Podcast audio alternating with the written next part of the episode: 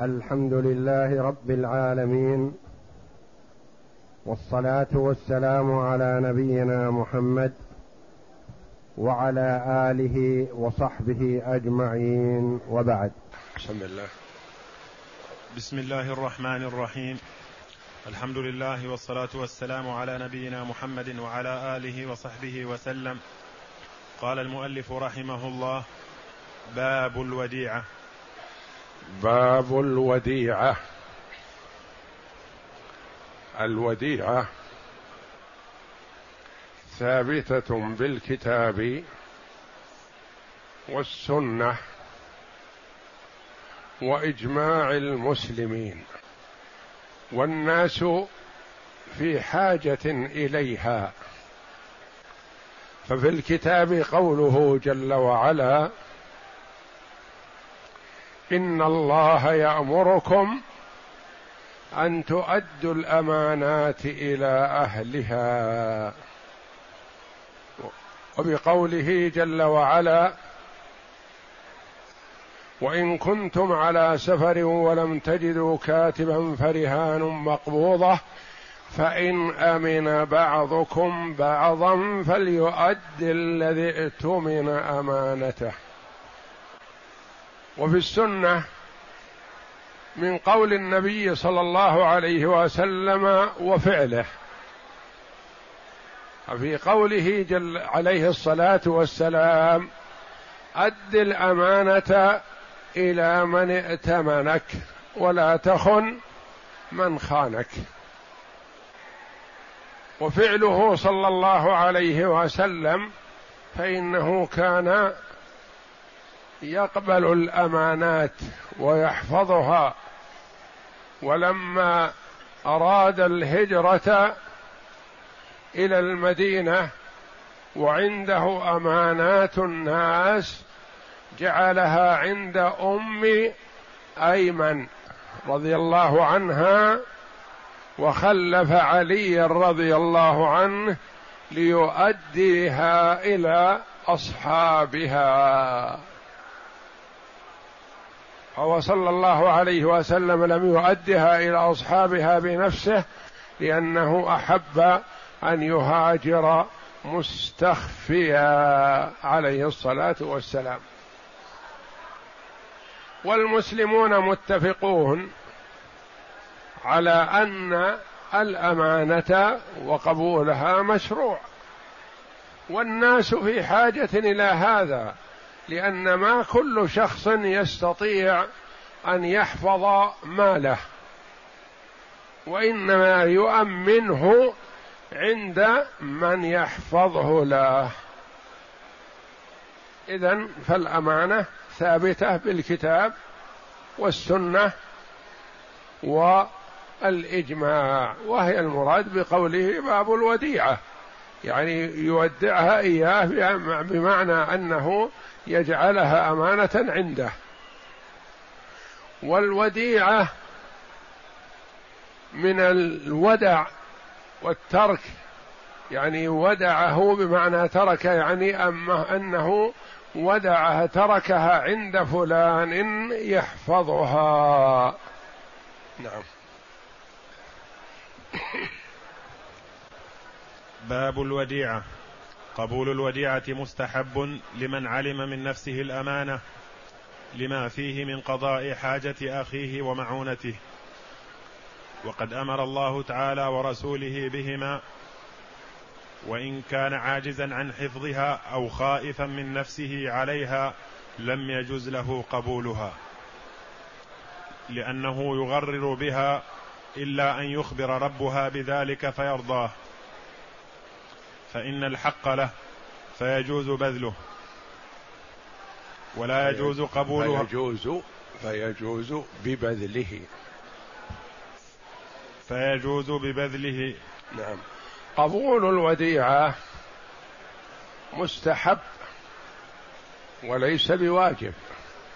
يعني الوديعة عقد جائز بين الطرفين. ليست بلازم ولا واجب ولا محرم وإنما هي مستحبة لما فيه من قضاء حاجة أخيه وإعانته على ما يشق عليه. وقلنا عقد جائز أنه يجوز للمودع أو قبولها وعدم قبولها. وإذا قبلها وطلبها صاحبها يلزمه أن يردها. وإذا طلب من صاحبها أن يأخذها لزمه أخذها. فليست ملزمة للطرفين. متى يكون مستحبا؟ إذا كان قادر على حفظها. ويأمن نفسه عليها. إذا اختل واحد من هذه فلا يقبلها ولا ينبغي له أخذها. إذا كان غير قادر على حفظها. فلا ينبغي له أخذها بل يكره له الأخذ. وإذا كان قادر على حفظها لكن لا يأمن نفسه عليها فلا يجوز له أخذها. كيف يكون غير قادر على حفظها؟ يأتيه الرجل بالأمانة من الذهب أو الفضة. أو الأثمان الغالية. يقول يا أخي احفظ لي هذه أمانة عندك. يقول لا يا أخي ابحث عن غيري. ولما قال لأني لا أقدر على حفظها. ما عندي مكان أطمئن أنه يحفظ مثل هذه الأثمان. فيردها ولا يلزم قبولها. يقول مثلا لا أقبلها. ولم يا أخي؟ لأني ما امن نفسي عليها. هذه دراهم وأخشى أني أتسلفها أخذها أقضي بها حاجتي. فإذا طلبتها ما وجدت عندي شيء. فأنا في الصورة الأولى يقول ما أستطيع حفظها. والصورة الثانية يقول أستطيع حفظها لكن ما آمن نفسي عليها يا أخي. أنا معدم وهذا يطالبني وهذا يطالبني وأخشى إذا أمنتني كذا يحرجني أصحاب الحقوق فأصرفها لهم. فأنا ما آمن نفسي عليها. قال له في الصورة الأولى أنا راضي بالحرز الذي عندك بالحفظ وإن كان ما هو محكم. فعندك أحب إلي من عند غيرك وإن كان عليها خطر في محلك فكونها عندك أحب إلي. رضي بهذا. فلا بأس.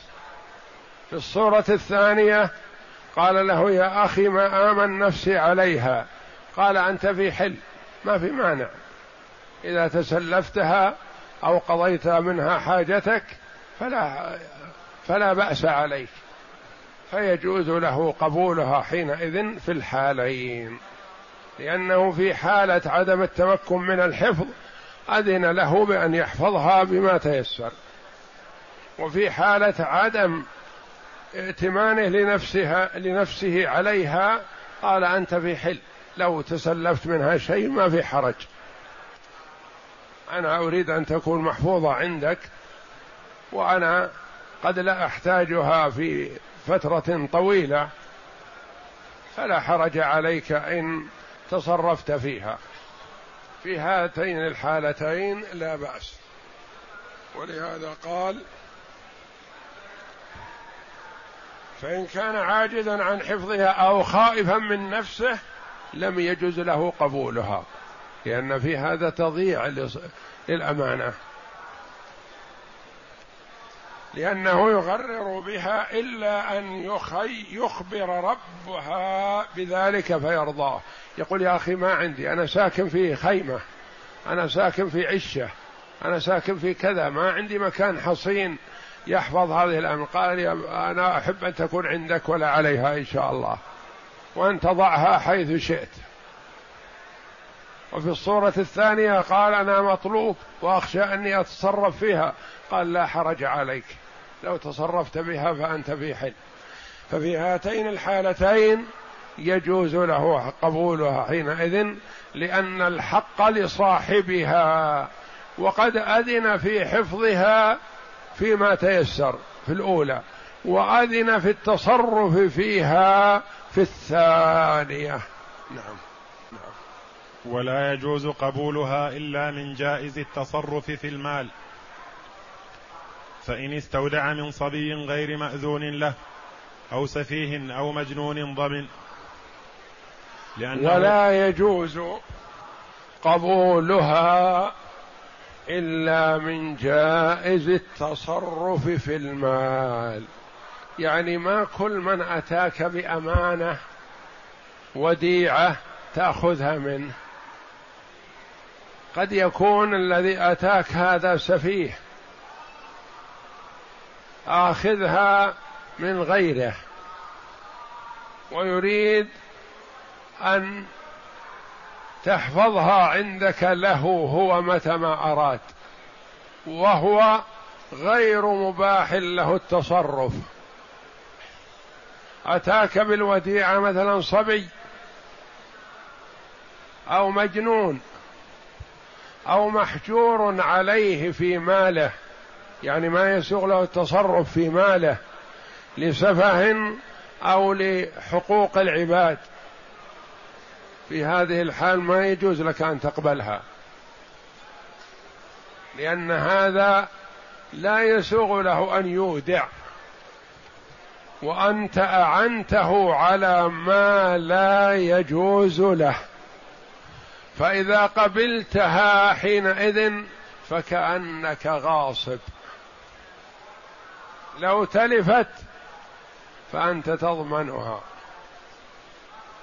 إلا في حال إذا قبلها من احد هؤلاء لأنه يعرف إن لم يقبلها منه أتلفها هو. فيقول أنا آخذها منه وأحفظها وأردها على وليه. ما أردها عليه. في هذه الحال ما يضمن.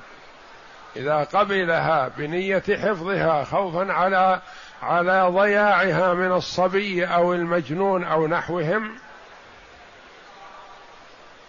وأراد ردها إلى وليه فلا ضمان عليه حينئذ في هذه الحال.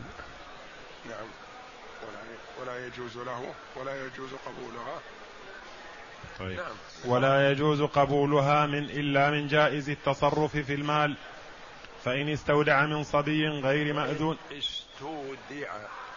فإن استودع من صبي غير مأذون له أو سفيه أو مجنون ضمن. ضمن. لأنه أخذها ممن لا يجوز له التصرف. لأنه أخذ ماله من غير إذن شرعي فضمنه كما لو غصبه. ولا يبرأ إلا بتسليمه إلى وليه. لو أتاه هذا الصبي أو المجنون أو السفيه وقال أعطني الأمانة الوديعة التي أعطيتك ما جاز له أن يعطيها له لأنه تضيع لها. يقول أعطيها وليك ائتني بوليك وأعطيها إياه. ولا يبرأ إلا بتسليمه إلى وليه كما لو غصبه إياه. فإن خاف أنه إن لم يأخذه منهم أتلفوه لم يضمنه إن أخذه لأن قصده تخليصه من الهلاك فلم يضمنه. إذا خاف أنه إذا لم يقبل الأمانة من هذا السفيه أو الصبي أو المجنون أو نحوهم يتلفونها ويضيعونها فأخذها احتسابا فإنه في هذه الحال لا يضمن لأنه محسن وأراد حفظها. كما لو وجده في سيل فأخرجه منه. كما لو وجد الشيء مثلا في سيل السيل يدفع هذا الشيء.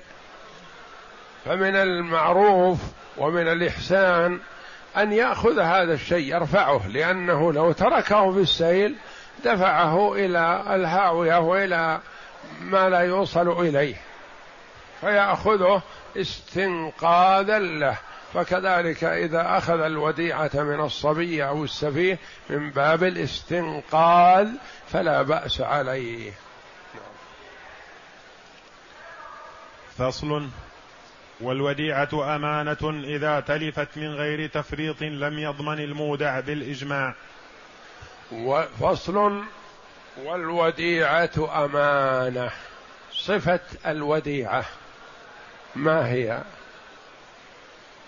لأن فيه شيء يقول حكم حكم الأمانات وشيء آخر حكمه حكم المغتصب. فالمغتصب إذا تلف على أي حال كان يضمنه المغتصب لأن يده يد غاصب. الأمين فيه تفصيل. إذا تلفت الوديعة عنده فلا يخلو. إن كان تعدى أو فرط فيضمن لأن هذا مال الغير تساهل فيه وضيعه. إن لم يحصل منه تفريط ولا تعدي فلا ضمان عليه. تعدي هو نفسه تعدى على هذا. تفريط تساهل في حفظها. في هاتين الحالتين يضمن الأمانة والوديعة. ما عدا هاتين الحالتين فلا يضمن لأنه مؤتمن عليها وهو محسن وما على المحسنين من سبيل. لكن المحسن إذا فرط أو تعدى فإنه حينئذ يضمن. لما يفرط لما يتعدى. نعم. لما روى عمرو بن شعيب عن أبيه عن جده أن النبي صلى الله عليه وسلم قال ليس على المستودع ضمان. لما روى عمرو بن شعيب عن أبيه عن جده. عمرو بن شعيب ابن محمد ابن عبد الله بن عمرو بن العاص. وعمرو بن شعيب يروي عن أبيه. من هو أبوه؟ شعيب. عن جده جد الأب. من هو؟ عم عبد الله بن عمرو بن العاص. هذه كثيرا ما تأتي في كتب الحديث. عن عمرو بن شعيب عن أبيه عن جده. فعمرو يروي عن شعيب أبيه. وشعيب يروي ما ما يروي عن أبيه وإنما يروي عن جده لأن محمد بن عبد الله بن عمرو بن العاص توفي وولده هذا شعيب صغير. فتولاه جده عبد الله بن عمرو بن العاص. فصار يأخذ عنه شعيب يأخذ عن جده عن جده عبد الله بن عمرو. أن النبي صلى الله عليه وسلم قال ليس على المستودع ضمان. المستودع والمودع. يأتي كذا ويأتي كذا. مستودع يعني جعلت الوديعة عنده. ومودع جعلت الوديعة عنده. يقول ليس عليه ضمان. وهذا إذا لم يكن تعد ولا تفريط. أما إذا تعدى الإنسان وفرط ففي هذه الحال يكون يضمن. فإن تلفت من بين ماله ففيها روايتان. أظهر أظهرهما لا, لا يضمن للخبر ولأنه أمين لم تظهر منه خيانة فلم يضمن كما لو ذهب معها شيء من ماله. والأخرى يضمن لأنه روي عن عمر بن رضي الله عنه أنه ضمن أنسا وديعة ذهب. أنه ضمن أنسا. أنه ضمن أنسا وديعة ذهبت من بين ماله. عرفنا أنه إذا لم يحصل تعدي ولا تفريط فإنه لا يضمن. وإذا حصل تعدي أو تفريط فإنه يضمن. صورة التعدي والتفريط أعطاه وديعة يحفظها. مصرورة بصرار ومغلفة ومربوطة ومحكمة. فأتى وفك هذه الأربطة وجعلها مع ماله. فسرقت في هذه الحال يضمن لأنه تعدى بفكها. وحل رباطها وجعلها مع ماله. يضمن. أو فرط أعطاه دراهم. كثيرة. فوضعها في رف في المجلس أو في الغرفة أو في الصالة. فسرقت. فإنه في هذه الحال يضمن لأنه فرط فيها. الدراهم ما توضع في هذه الأماكن وإنما الدراهم تحفظ في الصناديق. في الحالة الأولى تعدى وفي الحالة الثانية فرط فإنه يضمن. إذا لم يتعدى ولم يفرط فلا ضمان عليه. أعطي صرة نقود ووضعها في صندوق وأقفل عليه. ثم جاء فوجد هذا الصندوق قد كسر وأخذ ما فيه من النقود. فلا يضمن في هذه الحال لأنه ما تعدى ولا فرط وقام بواجب الأمانة لكن سرقت. فلا يضمن وهذا ما يقول عليه الصلاة والسلام ليس على المستودع ضمان. في صورة إذا سرقت هي وحدها من بين ماله وترك ماله. أعطي صرة نقود أو صرة ذهب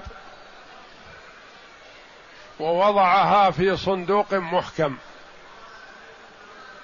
وهذا الصندوق فيه ممتلكات صاحبه. من ذهب ونقود وغيرها. فسرقت من هذا الصندوق هي وحدها. ولم يسرق من ماله شيء. فهل يضمن أو لا؟ هذه فيها روايتان. الرواية الأولى وقال بها جمع من الصحابة ومن الفقهاء على أنه لا ضمان عليه. هو أدى ما عليه ولم يفرط ولم يتعدى وإنما سرقت هي من بين ماله وترك ماله. ففي هذه الحال لا ضمان عليه. وينطبق عليها قوله صلى الله عليه وسلم ليس على المستودع ضمان. الصورة الرواية الثانية قالوا يضمن. لما؟ لأن كونها تسرق وحدها دون ماله هذه شبهة. جاء إلينا وقال إني وضعتها في صندوقي مع دراهمي ومجوهراتي وكذا وكذا وجاء السارق وسرقها وحدها ولم يأخذ لي شيء. يقول هذه شبهة. يحتمل عدم الصدق. قالوا يضمن رواية أخرى عن الإمام أحمد وقال بها بعض العلماء واستدلوا بما روي أن عمر بن الخطاب رضي الله عنه ضمن أنس بن مالك رضي الله عنه وديعة استودعها أخذت دون ماله. فضمنه إياها.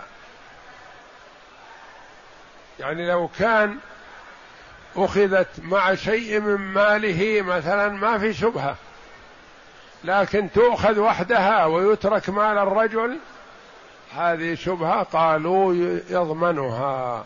ولما روي أن عمر ضمن انسا وديعة استودعها. كأن أنس استودع وديعة فحفظها. فأخذت فرفعه صاحبها إلى عمر. قال أودعته وديعة فأخذت دون ماله ما أخذت إلا هي. فضمنه إياها عمر قالوا لأنه محتمل أنه فرط أنس فيها. فضمنها. نعم. فصل. فإن لم يعين له صاحبها الحرز لزمه حفظها في حرز مثلها. فإن أخر إحرازها فتلفت إحرازها. فإن أخر إحرازها فتلفت ضمنها لتركه الحفظ من من غير عذر. وإن فإن لم يعين له صاحبها الحرز لزمه حفظها في حرز مثلها. الأحراز كما هو معلوم وكما سيأتي إن شاء الله ومر من قبل تتفاوت. كل نوع من المال له حرز يناسبه. فالذهب والفضة والأوراق الثمينة حرزها في الصناديق. الحديد القوية. الأمتعة السجاد والفرش والثياب والأطعمة حفظها فيما يناسبها في الغرف. الغنم والإبل والبقر حفظها في الحظائر حظيرة من خوص وعسيب ونحوها يحفظ فيها الإبل والغنم ونحو ذلك. فكل نوع من أنواع المال له حرز مثله.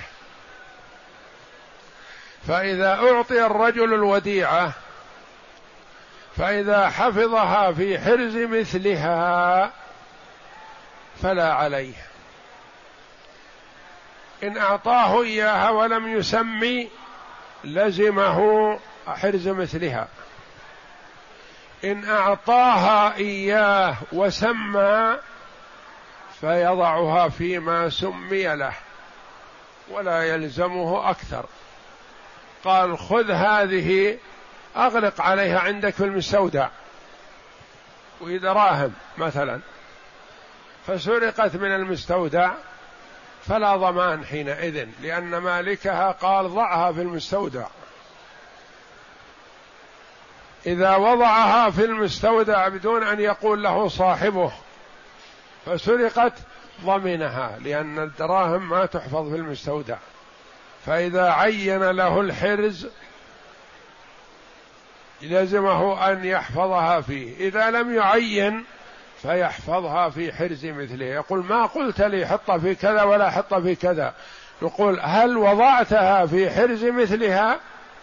يقول لا لكن على نية أني بعد ما أستريح أو كذا أقفل عليها. نقول ما وضعتها في حرز مثلها فتضمن حينئذ. نعم. وإن تركها في دون حرز مثلها ضمن لأن الإيداع يقتضي الحفظ. إذا وضعها في دون حرز مثلها دراهم وضعها في المجلس أو في الصالة فسرقت يضمن. ولو أنه على نية يقفل عليها لكن ما دام ما وضعها في حرز مثلها فيضمنها. نعم. فإذا أطلق حمل على المتعارف وهو حرز المثل. وإن أحرزها في حرز مثلها أو فوقه لم يضمن لأن من رضي بحرز مثلها رضي بما فوقه. لو وضعها في أكثر من حرز مثلها مثلا دراهم ممكن. الناس تعارفوا على أنهم يضعونها في الدواليب. فأقفل عليها في الدوالوب. هذا حرز مثلها مثلا. لكن هذا من زيادة الحرص وضعها في صندوق تجوري حديد قوي. فجاء السارق وأخذ الصندوق بكامله أو كسره وأخذ ما فيه. لا يضمن في هذه الحال. ولو أن صاحبها قال له أنا ما قلت لك وضعها في الصندوق لأن الصندوق يستجلب السراق عليها. فأنا قلت ضعها فيما يناسبها. لو وضعتها في الدالوب ما سرقت. لكن حينما وضعتها في الصندوق الناس الصندوق يتوقعون فيه شيء. فنقول ما دام الصندوق أعلى من حرز مثلها فلا ضمان حينئذ. نعم. فصل. لا يكفي. وإن أحرزها في حرز مثلها أو فوقه لم يضمن لأن من رضي بحرز مثلها رضي بما فوقه. يعني لأنها زيادة حفظ